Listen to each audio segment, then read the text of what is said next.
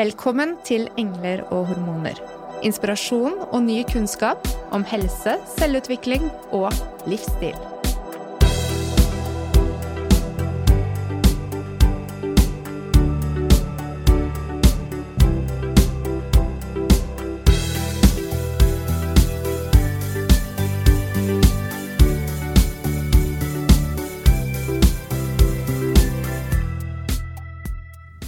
Hva ønsker du deg i ditt liv? Har du tenkt at du ser for deg at du skal bli lykkelig? Hvis ikke du jobber med det, hvem er det som skal gjøre det da? Og hvis ikke nå, når? I dag skal vi ha en mental treningsøkt med fokus på lykke. For hva er egentlig lykke, og hvordan kan du oppnå det? Og hva er prosessene som ligger bak det å finne lykke i eget liv? Med oss i studio har vi vår aller kjæreste Anniken Binds. Gratulerer med vel overstått uh, workshop på Ski Conference. Det har skjedd masse siden sist. Ja, tusen takk. Det er sånn poppis-Anniken. Ute hele tiden og hjelper folk å utvikle livet sitt. Det, det, har vært så bra. Det har skjedd så utrolig masse kule ting i det siste. Og bare det å få kjenne at jeg kan være ute og gjøre en forskjell og treffe mennesker og se forandringen, er kjempegøy. Det er ikke lite tema vi skal takle i dag. Altså lykke. ja. ja. Det er um, Hva er det egentlig? Lykke? Ja, hva er det? Så jeg tror at det er litt forskjellige ting for forskjellige folk. Men det handler jo om velvære og det å ha det bra, det å være tilfreds og kjenne på mening. Livskvalitet. Livskvalitet. Mm. Det er jo vært gjennomgått en del mentale treningsverktøy med deg nå. Mm. Og dette er episode 50. Dette yes. er vår jubileumsepisode. Og mange av de tingene du har sagt før, kan vi absolutt bruke for å kanskje bli mer lykkelig. Men i dag, i dag, Anniken, så skal vi utfordre deg til å virkelig gå i dybden på hvordan kan vi endre livskvaliteten vår og bli mer lykkelig. Forbipasserende, flyktig lykke det er én ting. Mm. Men en grunnleggende, vedvarende, forhøyet lykkefølelse. Det er det vi ønsker oss. Mm. Er det uoppnåelig? Nei, det er absolutt ikke uoppnåelig. Det er, det er uoppnåelig.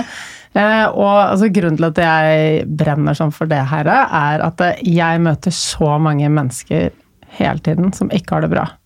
Som er altså Om de er deprimerte eller nedstemte, eller de har det bare ikke bra i livet sitt. Og jeg har selv vært der hvor alt har sett fryktelig svart ut, og jeg har bare tenkt at ah, det er jo ingenting som gir glede. Så jeg syns det er så viktig å dele den kunnskapen som jeg sitter inne med, for jeg vet at det kommer til å gjøre en veldig stor forskjell for så mange. I dag så er eh, Norge på fjerdeplass over verdens lykkeligste land, og Danmark trumfer på førsteplass. Er det liksom noen ting som må være på plass for å ha de eh, best mulig utgangspunkt da, for å kjenne på lykke? Hva mm. er det som ligger i den eh, grunnmuren der? Mm. Så det handler jo om først og fremst å få tilfredsstilt basisbehovene. Ikke sant? Å ha det man trenger, å ha trygghet og ha det godt. Så det er viktig for lykke. lykke. Så mye vanskeligere å kjenne på lykke når man hele tiden er i en sånn kampsituasjon da, for overlevelse. Mm. Og der er vi jo heldige her. Ja. Så utgangspunktet vårt for å bli lykkelige, ja. den er ganske bra. Det er jo utrolig bra. Vi har det jo så godt, og likevel så er det så mange som kjenner på at de ikke er lykkelige, selv om de har alt de kunne ønske seg i verden. Og det kan jo føre til skam, ikke sant? Som igjen da kan trigge den følelsen av depresjon fordi at man burde vært lykkelig, har det så bra. Mm. Så det er jo noen kanskje allikevel som sitter der hjemme og har det ganske tøft nå pga. at de har en type krise i livet mm. som eh, er såpass gjennom ja, at man ikke føler at basisbehovene er dekket, da. Mm.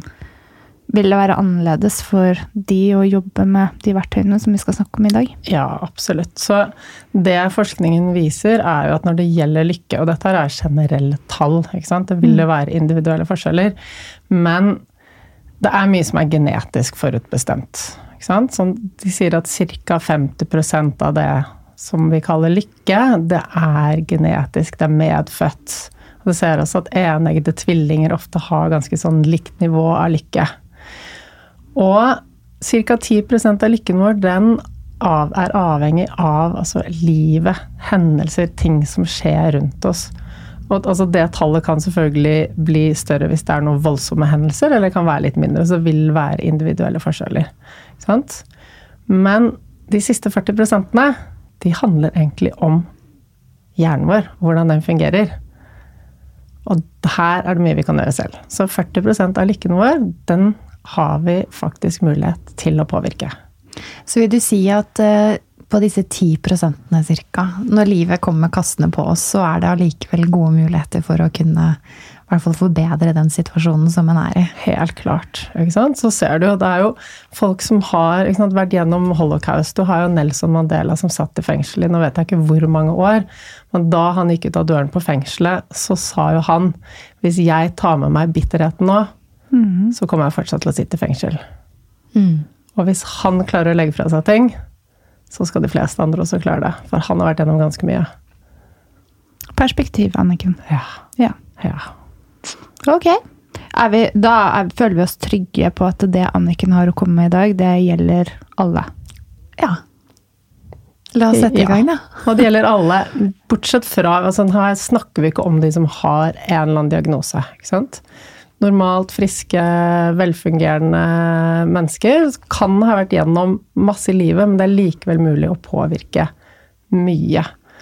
Og akkurat som Nelson Mandela eller eh, folk som har da sittet i konsentrasjonsleirer gjennom krigen, kan gå ut av det med et kjempefint liv og en veldig høy grad av lykkefølelse.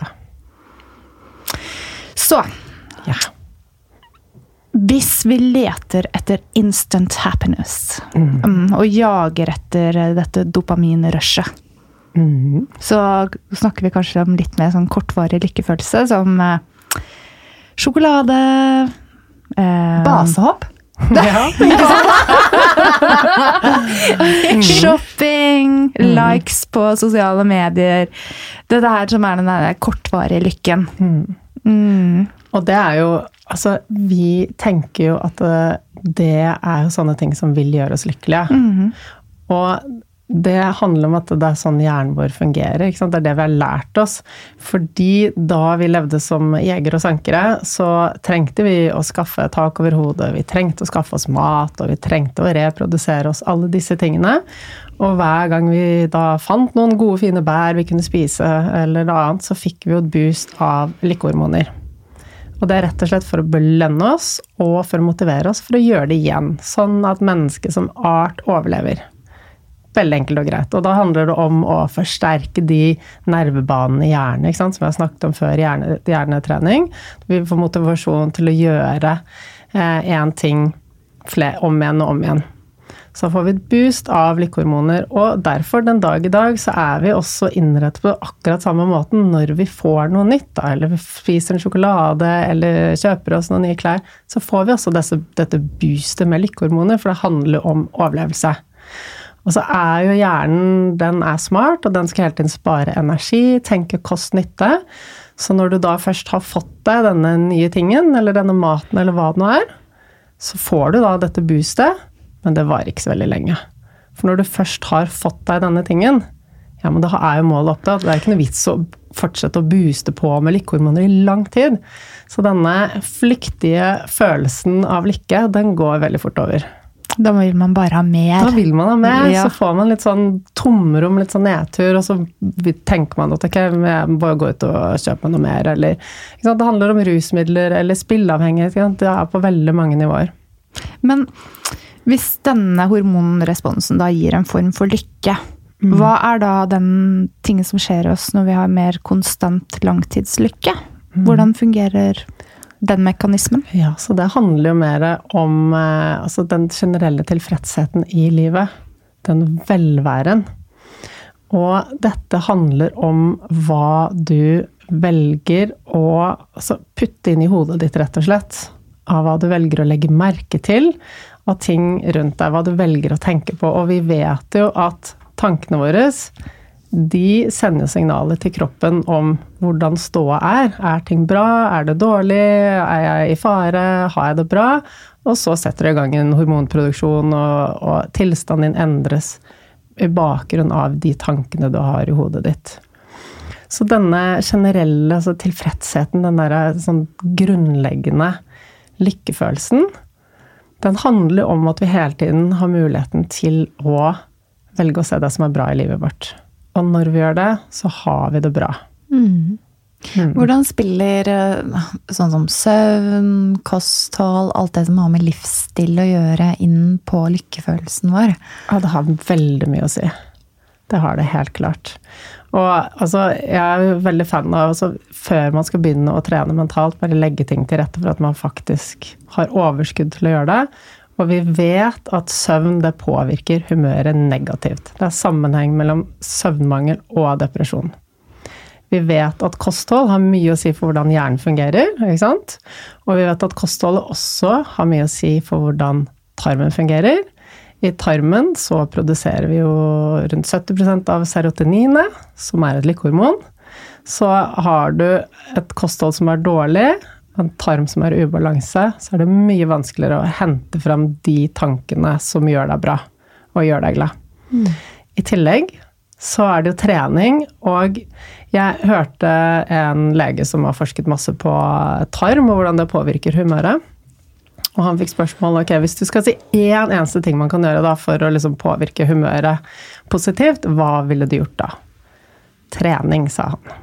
Mm. Er det noen spesifikk form for trening da? Ja, og da er det ikke styrketrening. altså Jeg sier ikke at det er dårlig, men eh, for å få den effekten på humøret, så er det trening med høy puls. Intervall. Mm. Mm. Så få av pulsen. Og da er det vel sånn 20 minutter hver dag, eller sånn. Når mm. du først er i gang, så er det i hvert fall 20 minutter. Mm. Og det har så mye å si for lykke, helse, velvære, hvordan ting fungerer. Mm. Ja. Så har du de tingene på plass, så er det mye lettere å begynne å jobbe med tankene. Men kjemper du mot søvnmangel som trekker deg ned i nedstemthet, har du en kropp som er i ubalanse, et kosthold som er dårlig, så er det jo mye vanskeligere å begynne å gjøre de endringene, da, og jobbe mentalt. Så hvis vi skal starte litt med hvilke verktøy vi kan bruke da, for å bli mer lykkelig kanskje sånn i hverdagen. Mm. Den stabile, gode lykkefølelsen. Mm. Mm. Altså, det er fryktelig mange verktøy vi kan bruke. Uh, vi har vært gjennom noen på tidligere episoder, og um, sånn helt før vi liksom begynner ofte med mentaltrening, mm. så kartlegger jeg verdier og styrker. Finne ut hva som er viktig for en person. For vi ser jo at når vi lever etter verdiene våre, når vi begynner å bli stolte av oss selv, den vi er, så har vi det mye bedre. Og verdiene våre, det handler om det som gir oss mening i livet. Vi har også snakket om hvordan mening gir drive og motivasjon. Og disse tingene her er helt essensielt for å kjenne på den lykkefølelsen i livet. At du har det bra, at du er der du skal være. Det er jo veldig altså enkelt å forstå, egentlig. At hvis vi er der livet gir oss mening, ja. så er vi mer lykkelige. Ja, og det er jo lett å forstå, og mm. likevel så er det så lett å glemme. At vi bare går gjennom livet uten å få tenkt over eh, livet vårt og bare jager og jager. Og så er vi jo, altså Hjernen vår spiller også hele tiden et puss, fordi den tenker at ja, men jeg blir jo lykkelig bare jeg får den nye bilen. Mm. Bare jeg får giftet meg og får barn, eller jeg får den nye jobben, eller mm. bare jeg får gått ned ti kilo og ser bra ut i bikini. Da blir jeg lykkelig. Mm. Og sånn fungerer hjernen vår, og hjernen vår har lært seg dette, og den forteller oss det hele tiden. Så vi glemmer å sette oss ned og tenke at nei, men vet du hva, det som gjør meg lykkelig, er å gjøre det som er bra for meg. Mm.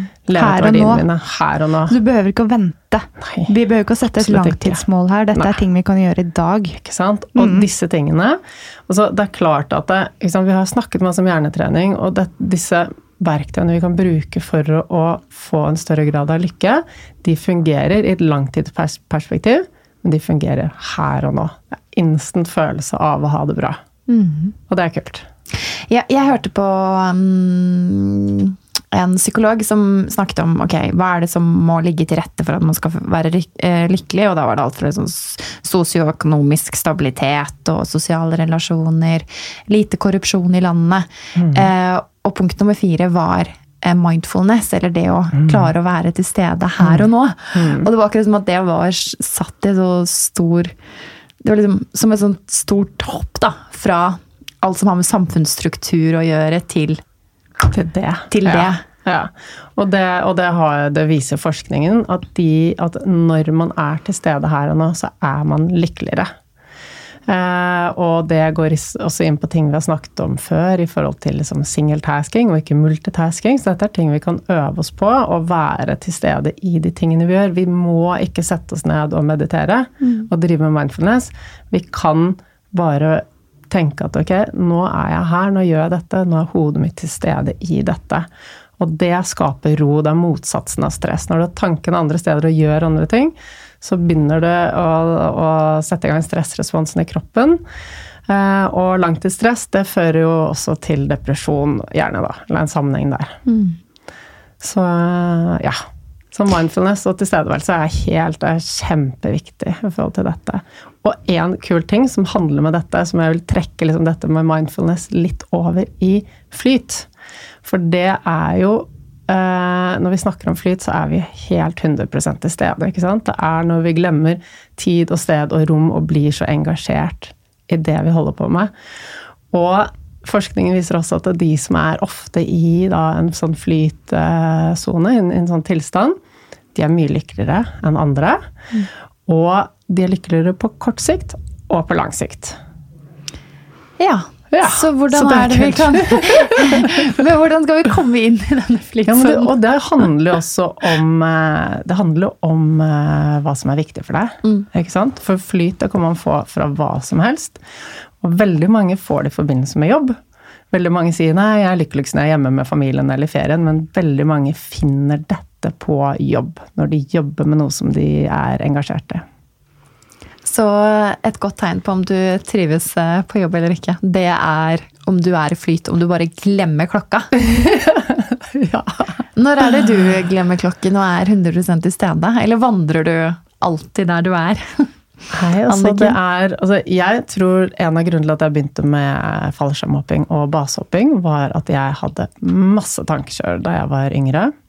Og det var den arenaen hvor det ble helt stille i hodet mitt. Mm. Jeg tror det er en av de tingene, blant mange andre ting, da, som tiltrakk meg den sporten. Og den, den følelsen det, det, er ikke plass til noe annet enn bare akkurat her og nå, når du står på kanten av et fjell. Så jeg kan finne det igjen eh, i dagliglivet. Jeg kan finne det gjennom former for trening. Jeg kan finne det når jeg sitter og fordype meg i materialet om lykke og forbereder en podkast. kan finne det når jeg surfer og ha fokus på de tingene som jeg holder på med. Krever litt mer jobbing enn med basehopping, men det er mulig. når er det du er i flytsonen, Mona? Kan jeg spørre deg om det? Jeg uh, har kjent på det, men jeg tror at det kan også være litt vanskelig å svare på for meg, fordi um, det er også kanskje noe som um, Jeg må ta litt pause på.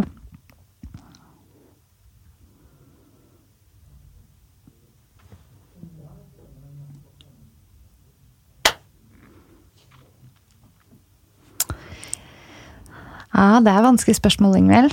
Mm. Mm. Jeg tror um, det er ulike måter å være i flytsone på. Sånn at man kan uh, forhåpentligvis finne deg i det man gjør mest i hverdagen. Og uh, i den mindfulness-biten da, som Anniken snakket om nå, så har i hvert fall vi har fått innspill til å jobbe mer med nettopp det å være til stede og kose seg i øyeblikket. Og da kan det være en morsom øvelse å gjøre en hverdagsaktivitet om til en flyt. Mm. Altså ting som du må gjøre uansett.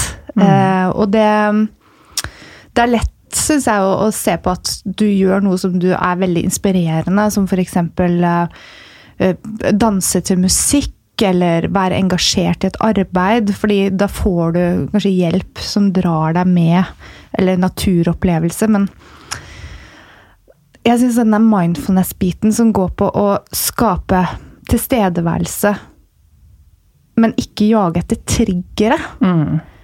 Er en form for flyt som er veldig stabil, som jeg kan bli veldig overrasket i. Og det takk til deg, Anniken, fordi det er noe med å være i den småbarnsfasen. Hvis du virkelig lar barna få tid til å skinne Mm. med mindfulness, at du tar et steg tilbake og gir rom for at deres flyt kan komme frem, og hva de ser fra deres perspektiv på verden. Mm. Og det syns jeg den sånn hverdagsflyten er eh, Ja, det er noe av det mest fantastiske. Ja, de øyeblikkene. Mhm. Og det, å, ikke sant? det er så lett å bare jage gjennom og hele tiden ha hodet på det neste. Jeg må rekke å lage middagen klar, eller barna må være i seng innen et tidspunkt. At man, man ikke er til stede her og nå med det.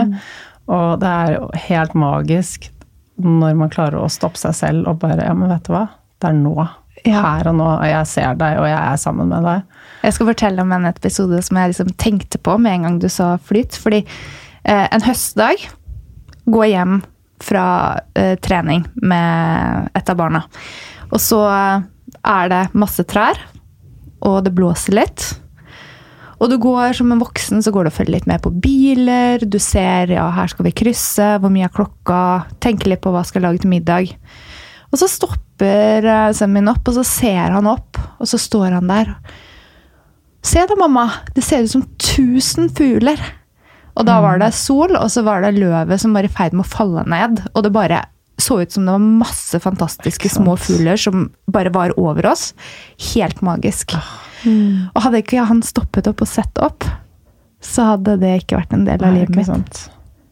Mm. Og så enkelt kan det være. Mm. Og så er det sånn, når vi begynner å utforske det, Mhm. så blir det sånn vi- Altså, vi merker den gode effekten det har, og det blir altså, mye mer motiverende å ta de pausene og stoppe opp og bare Ok, mm. vet du hva. Nå var det så masse dumme ting som har skjedd, og jeg har egentlig dårlig tid og sånn, men vet du hva? Oi, se på himmelen. Ikke sant? Bare, det kan være brøkdelen av et sekund hvor vi bare stopper opp og bare tar et pust og bare legger merke til. Mm. Ta den, du, Instagram og likes, liksom. kan ikke sammenlignes. Ja, så det er helt klart, og det henger veldig sammen med lykke, dette evnen til å være til stede. Mhm.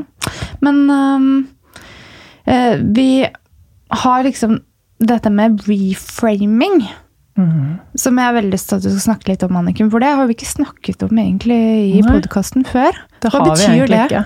Og vet du hva? Dette er noe som jeg jobber veldig mye med i, når jeg sitter i én-til-én-samtaler. Mhm. Og i forhold til lykke så viser forskningen at de som er gode på det, de er mye lykkeligere. Og dette med å reframe betyr jo egentlig å finne en ny betydning på noe. Og endre perspektivet. For det er så lett når noe skjer at vi bare Å, hvorfor skjedde det? Og så, å, så begynner vi å grave og bare graver oss ned i det. Men det er faktisk alltid mulig å si ok, vet du hva? Men dette kan jeg lære noe av. Dette kan bety noe annet. Dette vil få en annen konsekvens. Og til syvende og sist, hva er det verste som kan skje? Så hvordan påvirker det meg egentlig? For det er så lett i en situasjon hvor noe går galt, og bare altså grave seg ned i det. Men det å liksom ta perspektivet ut, og se det med nye øyne, det gjør at du gir slipp på hele greia. Og det er flyt istedenfor kamp. Og for meg så er det liksom en av de viktigste nøklene til å ha et lykkelig liv, det er å gi slipp på disse tingene.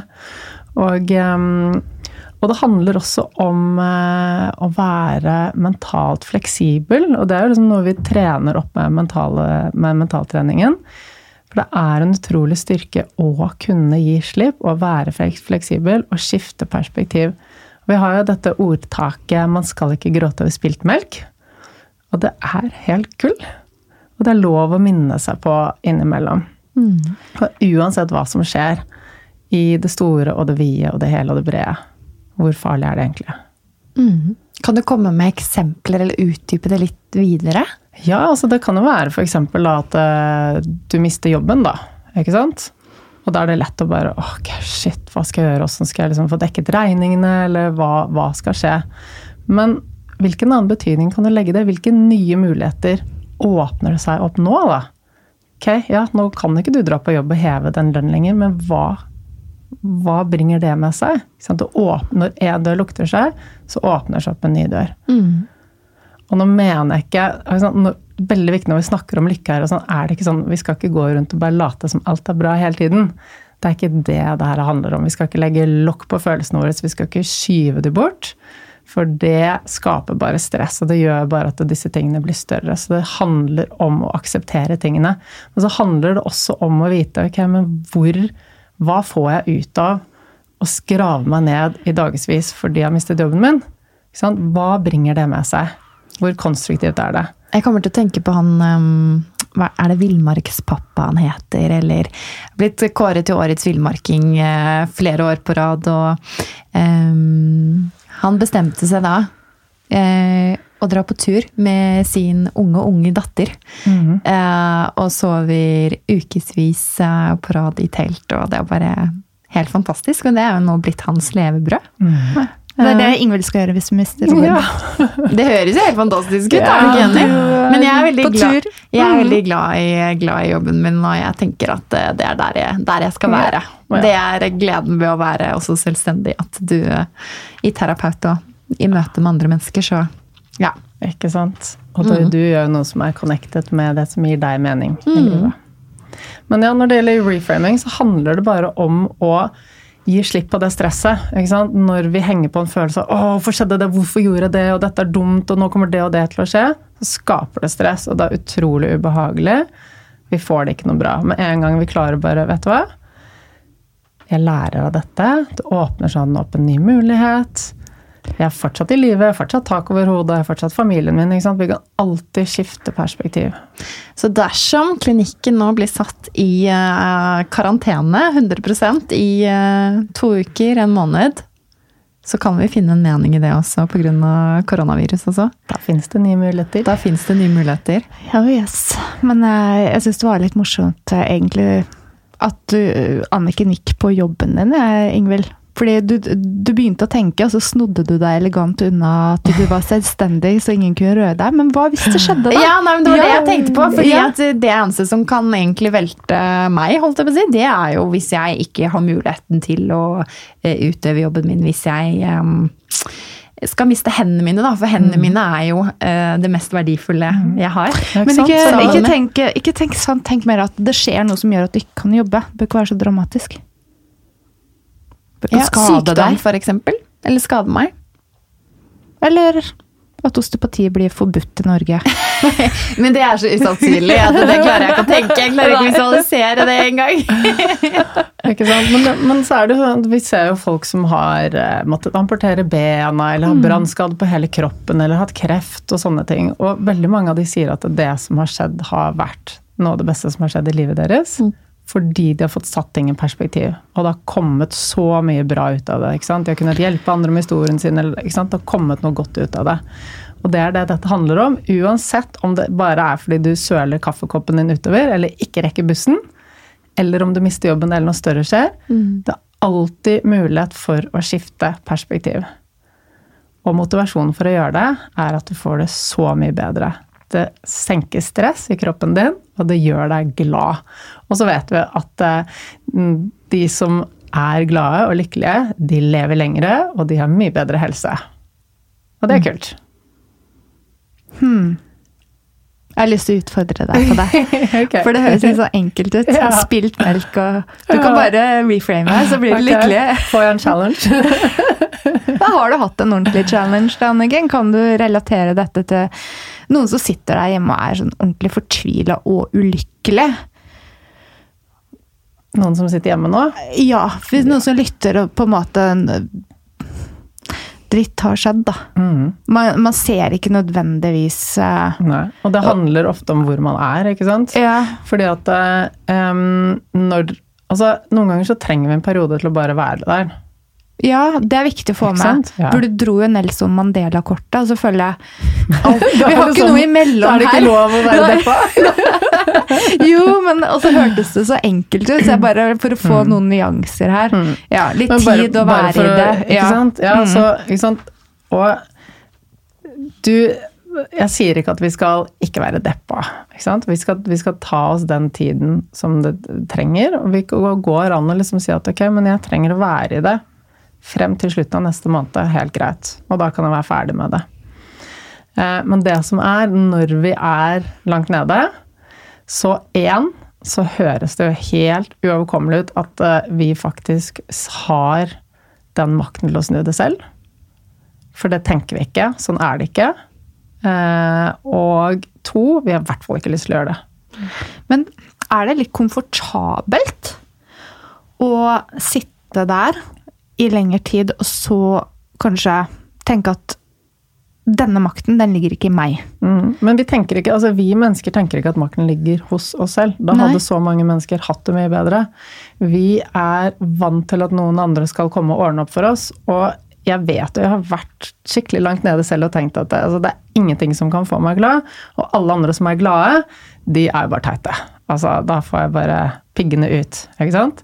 Så når du er et sted hvor okay, alt er skikkelig leit og trist, så mener ikke jeg at du bare skal ta deg sammen og gjøre dette her på egen hånd. Fordi noen ganger så trenger du bare hjelp til å komme i gang.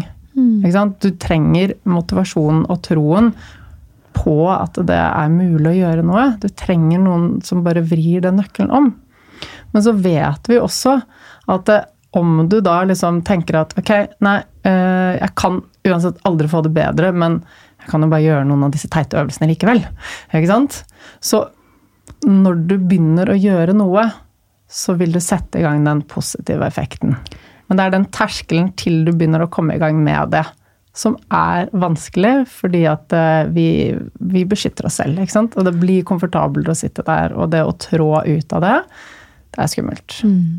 Jeg kommer til å tenke på eh, episoden vi spilte inn med Sandra Lyng. Mm. Som eh, er åpen om at eh, hver høst så kommer det en depresjon. Som et resultat av at hun har en bipolar lidelse. Eh, og hun sa bare det å gå ut og kjenne solen, få nok D-vitamin, gå den lille, lille turen, kan, være, kan bety så ekstremt mye i den eh, situasjonen og i den perioden hvor hun er der. Ikke sant? Men eh, jeg har jo snakket litt med deg før, Anniken. Så litt sånn utenfor studiet også. Um, så det som jeg tenker på når du forklarer det du gjør nå, eh, det er at man kan, det kan være litt vanskelig å se selv hvilke mønstre man går i. Absolutt. For min erfaring med å jobbe med deg, er at du av og til påpeker ting jeg har tenkt før. Noen tankemønstre som ikke nødvendigvis er så veldig bra for meg og det jeg ønsker å oppnå. Men man havner litt i ja, gammelt tankekjør, da. Og det som jeg syns har vært litt nyttig, som ikke jeg vet om du er enig i, men hvis man ser ut her også, før man begynner med øvelsen, så kan man alltid se noen i sin nærhet som har en eller annen type tankemønster som ikke gjør at de får optimalt resultat på det de gjør. Man kjenner alltid noen som alltid på en måte gjør en ting som ødelegger for dem, da. Mm. sånn er vi jo alle. Alle det er bare at det er ikke så lett å se det med seg selv. Og det tenker jeg kanskje kan være en faktor som ja, saboterer litt for lykke av og til. Absolutt. Ja. Det handler jo om eh, Altså, vi trenger disse sannhetene. Sant? Det er overbevisninger som vi lever etter. Ting er sånn som de er. Og det trenger vi, for vi kan ikke gå rundt og analysere alt rundt oss hele tiden. Vi må putte ting i kategorier, vi må ha, ha sannheter vi lever etter. Noen er bra for oss, mens andre igjen kan være begrensende i en eller annen grad. Men i og med at de har sannheter, så stiller vi ikke spørsmålstegn ved de. Jeg er sann som Ja, Med meg så er det alltid Ja. sånn. Dette Jeg- skjer alltid. ikke sant. Ja, Jeg har alltid vært sånn, så sånn bare er det. ja ikke sant? Jeg òg. Så da er det vel bare sånn, Og jeg kan fortsatt ta meg selv i det, men det som er spennende, er at nå er jeg bevisst på det, så nå kan jeg bare Å, men vent litt. Og dette er litt flaut. Jo, men det er egentlig bare en overbevisning, og vet hva, den kan jeg endre. ikke sant? Sånn kan jeg sitte med meg selv. Og noen ganger kan jeg være sånn ja, jeg skjønner at det bare er en overbevisning, men akkurat nå har jeg bare lyst til å ha den. For det er ukomfortabelt ja, å gå ut av den. Mm, Trenger ikke jobbe med alt samtidig. Men det åpner seg opp, og, og, dette handler om dette med å være mentalt fleksibel. At det at du kan inn, innta et annet perspektiv. Og det er noe vi trener oss opp til. Jo oftere vi eh, klarer å skifte perspektiv og se oss selv fra andre perspektiv, jo bedre blir vi på det. Mm. Og så ser man også at det, det å gå utenfor komfortsonen det henger jo veldig mye sammen med lykke. Dette med å mestre og lære og sånne ting. Mm. Men det hjelper deg også. Det er nesten en forutsetning for å kunne ha den mentale fleksibiliteten og, og ta disse, inneha disse perspektivskiftene. Det å gå ut av komfortsonen. Så hvis du kan lære deg å bli glad i det, da, og være bevisst hva du trenger å gjøre for å mm. reframe og skape lykke, da kan mm den prosessen faktisk gi også positiv Absolutt. nevrologisk respons. Absolutt. Du kan få i pose og sekk. Mm. så må vi våge å være utforskende, da, sånn som jeg forstår deg rett. At ok, men i dine egne overbevisninger så er det litt utforskende å sette spørsmålstegn ved veldig. de ulike prosessene i deg selv. Og så er det veldig skummelt å gjøre det. Ja. Fordi vi liker jo alle å være perfekte. Ikke sant? Så det å begynne å innrømme at eh, noe av det vi tenker og sier og gjør kanskje ikke hensiktsmessig, det er jo ja, litt skummelt. Mm. Eller litt flaut. For det er kanskje ikke de tingene som vi egentlig er bevisst ikke er perfekte, som vi må ta tak i. Mm. Men så virkelig innarbeidede tankemønstre som sitter i oss Absolutt. automatisk. Ja, helt klart. Mm. Så um, i dette denne utfordringen med å skifte perspektiv. Mm. Har du noen konkrete verktøy som kan ja, rive oss ut av uh, tankemønstrene våre? Ja, så jeg har jo eh, veldig mange verktøy i forhold til tankemønstrene våre.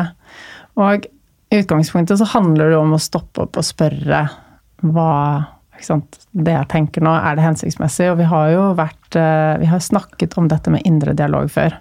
Og det er et utrolig eh, effektivt verktøy å begynne å jobbe med. Og når vi, sant, når vi er i en situasjon, så har vi alltid muligheten til å bli bevisst på hva det er vi tenker på. Og vi har alltid muligheten til å velge å tenke noe annet. Vi har alltid muligheten til å legge merke til, eller tenke over hva det er vi legger merke til. Ikke sant? Når jeg kommer inn i det rommet her, hva er det jeg velger å putte inn i hodet mitt? Er det noe som bidrar og gjør meg glad? Det at dere er her, det er koselig å se dere, eller komme inn og så tenke om det er dårlig luft her, å nei, det blir slitsomt å være her. ikke sant? Mm. Nei, jeg har ikke dusja etter yogatimen. Ja, så lukter svette og alt sånn. Ja, altså.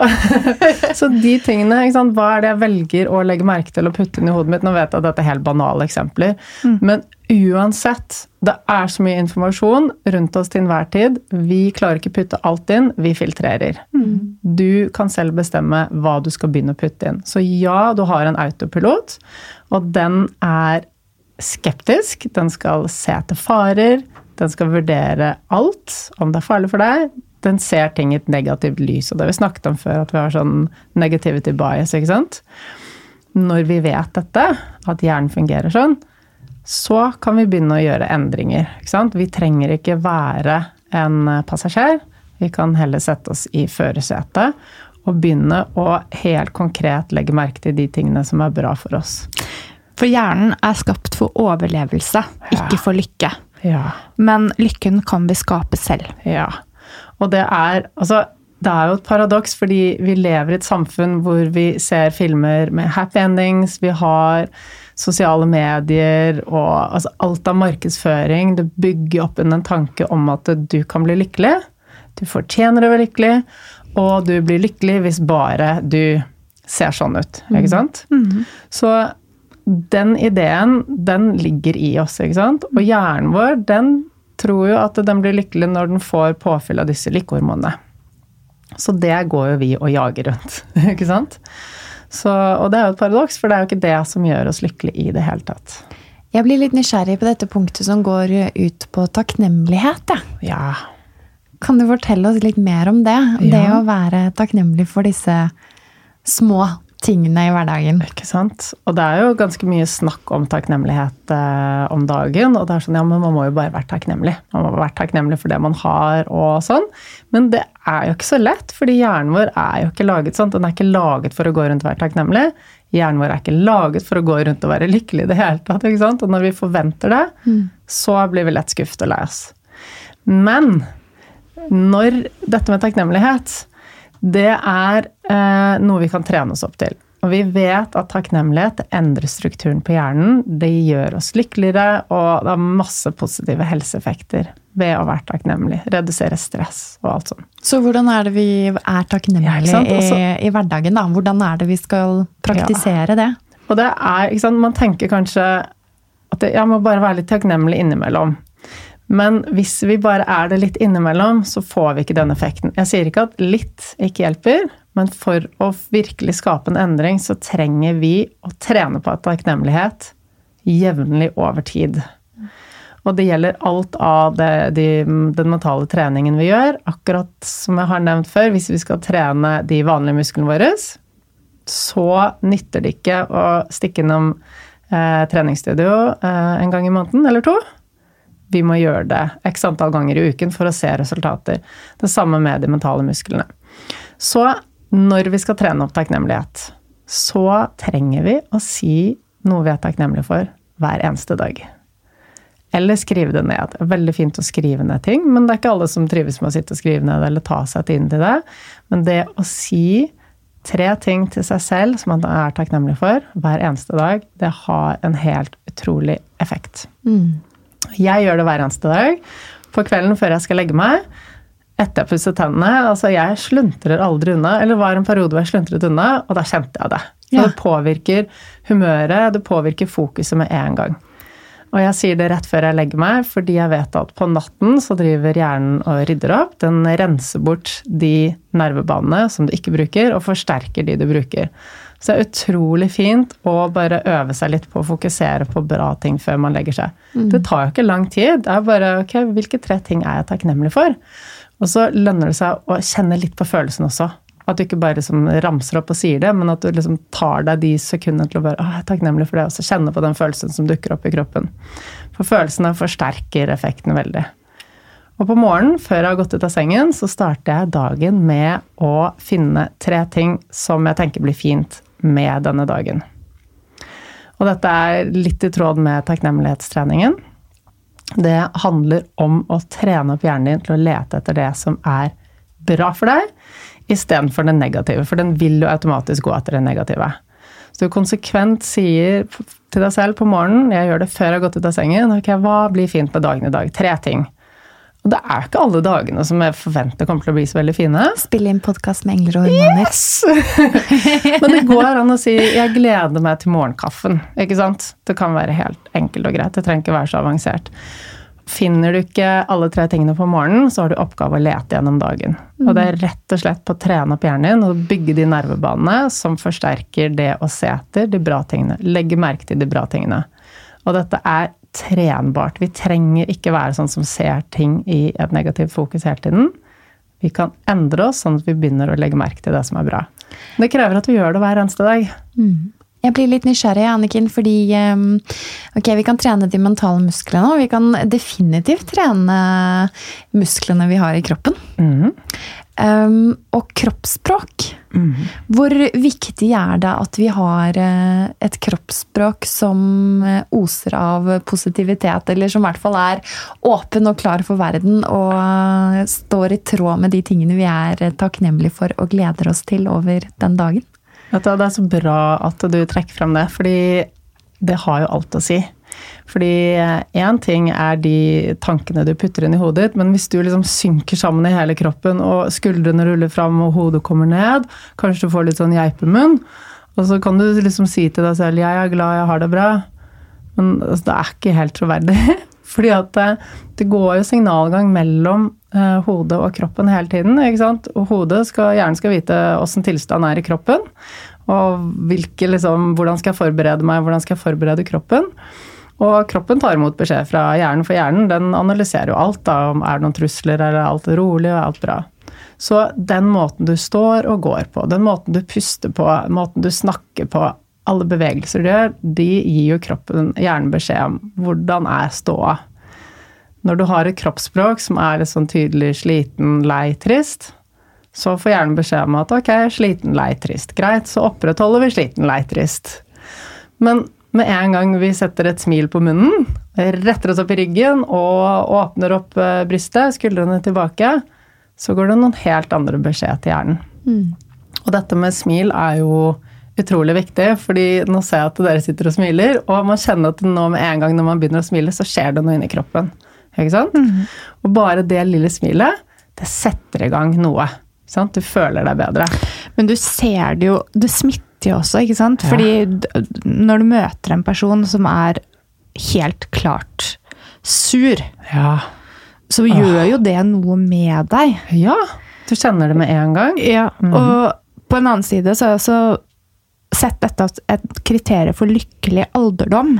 Mm. Det er også å være fortsatt at service, eller liksom bidra i samfunnet. Sånn at det å gjøre bra ting for andre ja. er også noe som er viktig for lykke. Absolutt. Og sikkert det... ikke bare når man er eldre, men Nei. hele livet. Gjennom hele livet. Det å bidra utover seg selv. Mm -hmm. Frivillig arbeid, f.eks., eller bare sant, gjennom jobben. Dere hjelper mange gjennom det dere gjør, og det viser forskningen at det er veldig, veldig mye å si på lykke. Mm -hmm. Og så er det jo også gjort en studie, eh, da du sa dette med alderdom, så kom jeg til å tenke på en studie som er gjort, og en livslang studie. Jeg tror den startet på 30-tallet. Og har fulgt folk gjennom hele det voksne livet for å se på liksom helse og velvære og alt sånn. Og det de har sett at det er den avgjørende faktoren for om folk har det bra, er lykkelige og lever lenge, det er gode sosiale relasjoner. Mm. Mm gode sosiale ja. relasjoner. Så det er ikke bare det at du har relasjoner, men det handler om kvaliteten på det også. Mm. Jeg har aldri vært en sånn som har fryktelig mange venner. Nei. Hørtes det litt trist ut? Nei, men jeg, jeg, det, det, det, helt handler, det handler ikke om kvantiteten. Det handler om kvaliteten. Handler, altså, fordi mm. Jeg er veldig sånn at jeg vil ha liksom min flokk og min, mine nærme, gode mm. venninner. Mm. Um, ja. Mm. Og jeg tenker at det, og det er jo veldig mange ting som han, altså Det er mange faktorer og ting man kan uh, forklare dette med, men jeg tenker at det, det handler veldig mye om hormonproduksjon mm. og helse. Altså dette med å føle seg alene, det setter jo i gang stress ikke sant, i kroppen. Mm. Og alle de positive effektene du får av å bli sett og føle nærhet og trygghet og alle de tingene, det er positive hormoner. Det senker stress, og vi vet alle helsefordeler med det. Det påvirker hjerte- og karsykdommer positivt, det påvirker immunsystemet positivt. Senker inflammasjon i kroppen. Det er liksom Det betyr så mye, da, og så blir du glad. Så alle de tingene henger sammen. Men, eh, men, ja, altså kvaliteten av sosiale relasjoner. Og det er litt lett å glemme da, i en sånn hektisk hverdag hvor bare, om jeg skal bare bli ferdig med den tingen på jobb, jeg skal bare nå det målet, jeg skal bare prestere, jeg skal være god, jeg skal få gjort disse tingene, og så blir det bare gjøre, gjøre, gjøre, gjøre. Og man får ikke noe være med de man er glad i. Mm. Jeg tenker på at vi skal skape lykken selv, Anniken, hvis vi helt mot slutten her nå kan være mm. veldig konkrete. Kan ikke du forklare hva er en dopaminliste? Ah, elsker det. ja. Og hvordan bruker vi det? Ja. Så det handler egentlig om å skrive og lage en liste over alle de tingene som gir deg påfyll. Mm -hmm. Og det kan være store og små ting. Og det er helt individuelt. Noe, for noen handler det om å gå en tur i skogen, mens andre, andre handler det om å ta et basehopp. Uansett hva det er, spiller ingen rolle. Og det er de tingene som frigjør lykkehormoner, som gir deg påfyll. Og Vi snakket om at det er liksom to forskjellige former for lykke. Det er den vedvarende, den stabile, og så er det den mer flyktige, den som når hormoner eh, bare boostes på og forsvinner. Og den der flyktige hormonproduksjonen som kommer og går, det er noe som vi fort kan ende opp å, å jage, for vi trenger dette påfyllet. Eller vi føler at det er tomt. Så vi trenger, føler at vi trenger det, eh, den der boosten. Men når vi har en dopaminliste, så, så, jobber vi med å ha en stabil eh, mening med livet, og ha det bra. Og så er den dopaminlisten den er påfyll. Det er ikke avhengig av å måtte ta den turen for å være glad. Det er påfyll. ikke sant? Det gir masse mer lykkehormoner og energi og påfyll. Så vi skriver ned den lista av alle tingene som gir påfyll i hverdagen vår, og så sørger vi for å sjekke av på den listen hver eneste dag. Det er smart å ha litt ting, noen ting som ikke nødvendigvis er så vanskelig å få til også, da, som kan puttes Sånn Så at du ikke må liksom dra på en fjelltur eller et eller annet sånt, men at det bare, kanskje det handler om at du tar bena fatt istedenfor bussen på vei hjem fra jobb. Mhm. Eller at du setter deg i sofaen og leser en god bok. Et Om det eller så bare er halvannen side. Ja, ikke sant. Men et eller annet. Eller tar et ja. For småbarnsmødre. eller liksom ta et varmt bad, eller Det kan være så mye, men det gir en økt følelse av mening med livet, og det gir så mye påfyll. Og det kan vi bare bruke til vår fordel, og fylle på med de tingene som gjør oss bra. Kan vi ikke bare fylle denne uken med lykke? Og kjære lytter, hjelp oss. Tagg oss. Vis oss hva du gjør for å være lykkelig. Og vi er i hvert fall superlykkelige og takknemlige. Og veldig ja, overveldet over at vi har fått lov til å lage 50 episoder Ja. av en podkast som er her ute hos dere. Og det er helt rått. Det er helt Det er rått. fantastisk. Gratulerer til dere, altså. Tusen takk. Ja, vi må faktisk feire. Utrolig bra jobbet, begge to. En liten ting som skal stå på min dopaminliste, Mona, det er at vi må ta et lite glass med kremmann. Åh. Fordi du har vært gravid hele tiden. Jeg Altså, har jo, jeg har jo og fått barn og ammet og Ja, Vi får se om vi får klemt inn det. vi får se Mm, det. det syns jeg faktisk Mm. vi fortjener. Du da, Anniken? Hva skal du gjøre i dag for å være lykkelig? Du, jeg skal eh, være til stede med barna når jeg kommer hjem. Mm. Den siste uken var sånn vi har jobbet hver eneste kveld. Mm. Og det går en gang iblant, Mm. men jeg trives ikke med det. Jeg har lyst til å bare være til stede med barna. Og for meg det å bare stå og lage mat eh, og snakke med barna, eller til og med bare ta oppvasken etterpå, Mm. Det er helt fint. Når jeg har ro, og jeg har tid, og er til stede, og vi bare er sammen. Ja, det blir vanskeligere og vanskeligere, men nå er det mange som vil ha en bit av deg, Anniken. Ja, ja. det er jo positivt, det også. Da må jeg jo bare si tusen takk for at du tok deg tid til å komme hit til oss. Ja, tusen hjertelig. Og um, vi har et lite ønske om å se deg tilbake, men det får vi komme tilbake til. Ja, bra. Gratulerer, jenter! Gratulerer! Gratulerer! Ha det bra. Ha det.